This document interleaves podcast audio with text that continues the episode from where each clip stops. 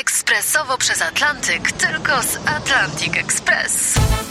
Z nami wyślesz co chcesz, kiedy chcesz, do kogo chcesz i to o 40% taniej. W Atlantic Express wysyłamy wszystko. 1 800 775 7363. Mienie przesiedleńcze, kontenery, paczki do Europy. Atlantic Express o 40% niższe ceny na wysyłki kontenerów, samochodów i paczek. Ekspresowo przez Atlantyk, tylko z Atlantic Express.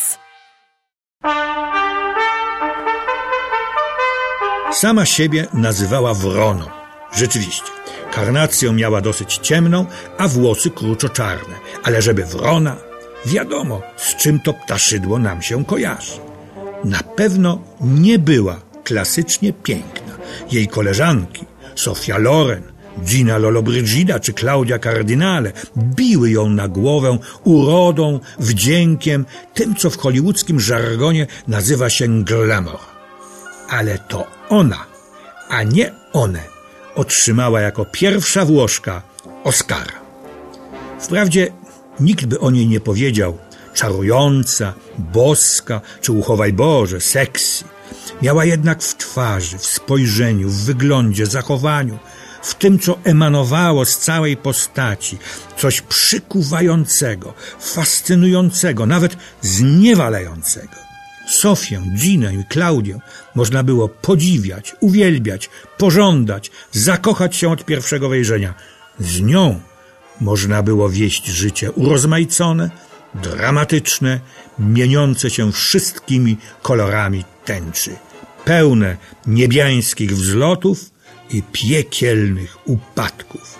Niepowtarzalna, niezwykła Anna Maniani Urodziła się w roku 1908 w Rzymie, swym ukochanym miejscu na świecie. Matka była Włoszką, ojciec, bliżej nieznany, Egipcjaninem. Rodzice nie interesowali się córką. Najpierw odszedł ojciec, wkrótce matka. Anną zaopiekowała się babka. Anna chodziła do szkoły, prowadzonej przez katolickie siostry zakonne. Śpiewała też w chórze, miała piękny kontralt. Żyła łagodnie mówiąc, w skrajnym ubóstwie. Żeby zarobić na życie, zaczęła śpiewać w nocnych lokalach, frywolne piosenki i kuplety, oczywiście nie przyznając się do tego w szkole.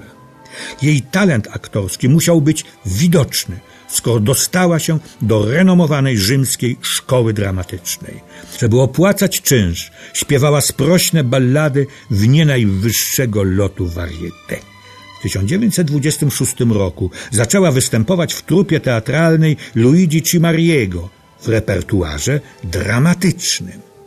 Ze śpiewania nie mogła jednak i nie chciała zrezygnować. Towarzyszyło ono jej do końca życia.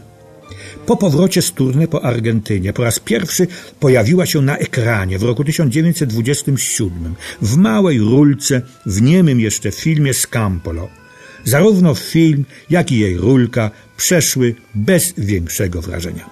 Natomiast na scenie tworzyła już pierwsze prawdziwe kreacje.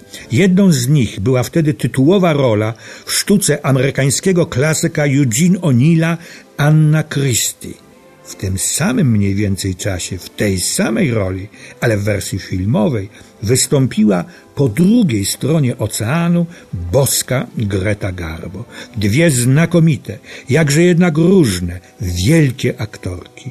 Anna Maniani porywała widzów swym temperamentem, żywiołowym, ale głęboko prawdziwym.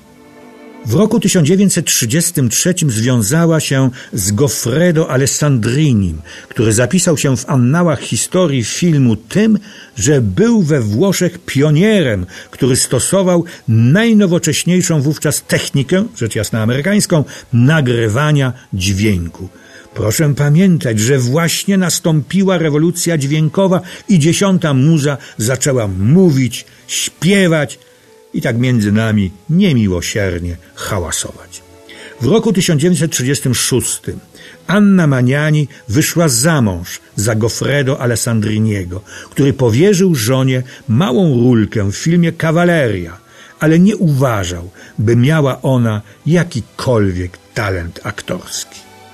Już wkrótce Przestała ona zresztą być jego żoną, choć oficjalnie pozostała nią do 1950 roku. Po raz drugi nigdy za mąż nie wyszła, co nie znaczy, że wiodła życie zakonnicy, wręcz przeciwnie. W 1941 roku nastąpił przełom w karierze Anny Maniani. Vittorio De Sica, początkujący wówczas, a wkrótce jeden z najwybitniejszych włoskich i światowych reżyserów, powierzył jej drugoplanową, ale ważną rolę w swym filmie Teresa Venerdi. I tu po raz pierwszy talent Anny Maniani zajaśniał pełnym blaskiem. Grała rolę bezwstydnej, bezszczelnej awanturnicy, narzeczonej głównego bohatera. To była piorunująca mieszanka żywiołowości, komizmu i tragizmu. I takie były wszystkie jej dalsze kreacje.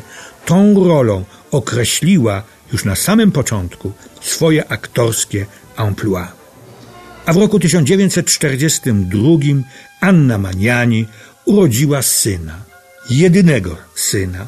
Formalnie była ciągle jeszcze żoną Goffredo Alessandriniego, ale ojcem jej syna był przystojny i w tamtych czasach wzięty aktor Massimo Serrato, specjalizujący się w filmach Płaszcza i Szpady.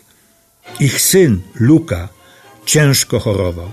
Anna Maniani troskliwie się nim opiekowała i poświęciła mu wiele lat swego życia. Żaden jej związek, formalny czy nieformalny, nie był trwały. Problem takich kobiet jak ja, mówiła Anna Maniani, polega na tym, że dobrze nam będzie tylko wtedy, kiedy znajdzie się mężczyzna, który nas potrafi oswoić. W moim przypadku nikomu się to nie udało a o dalszych losach Anny Maniani opowiem w następnym Odeonie.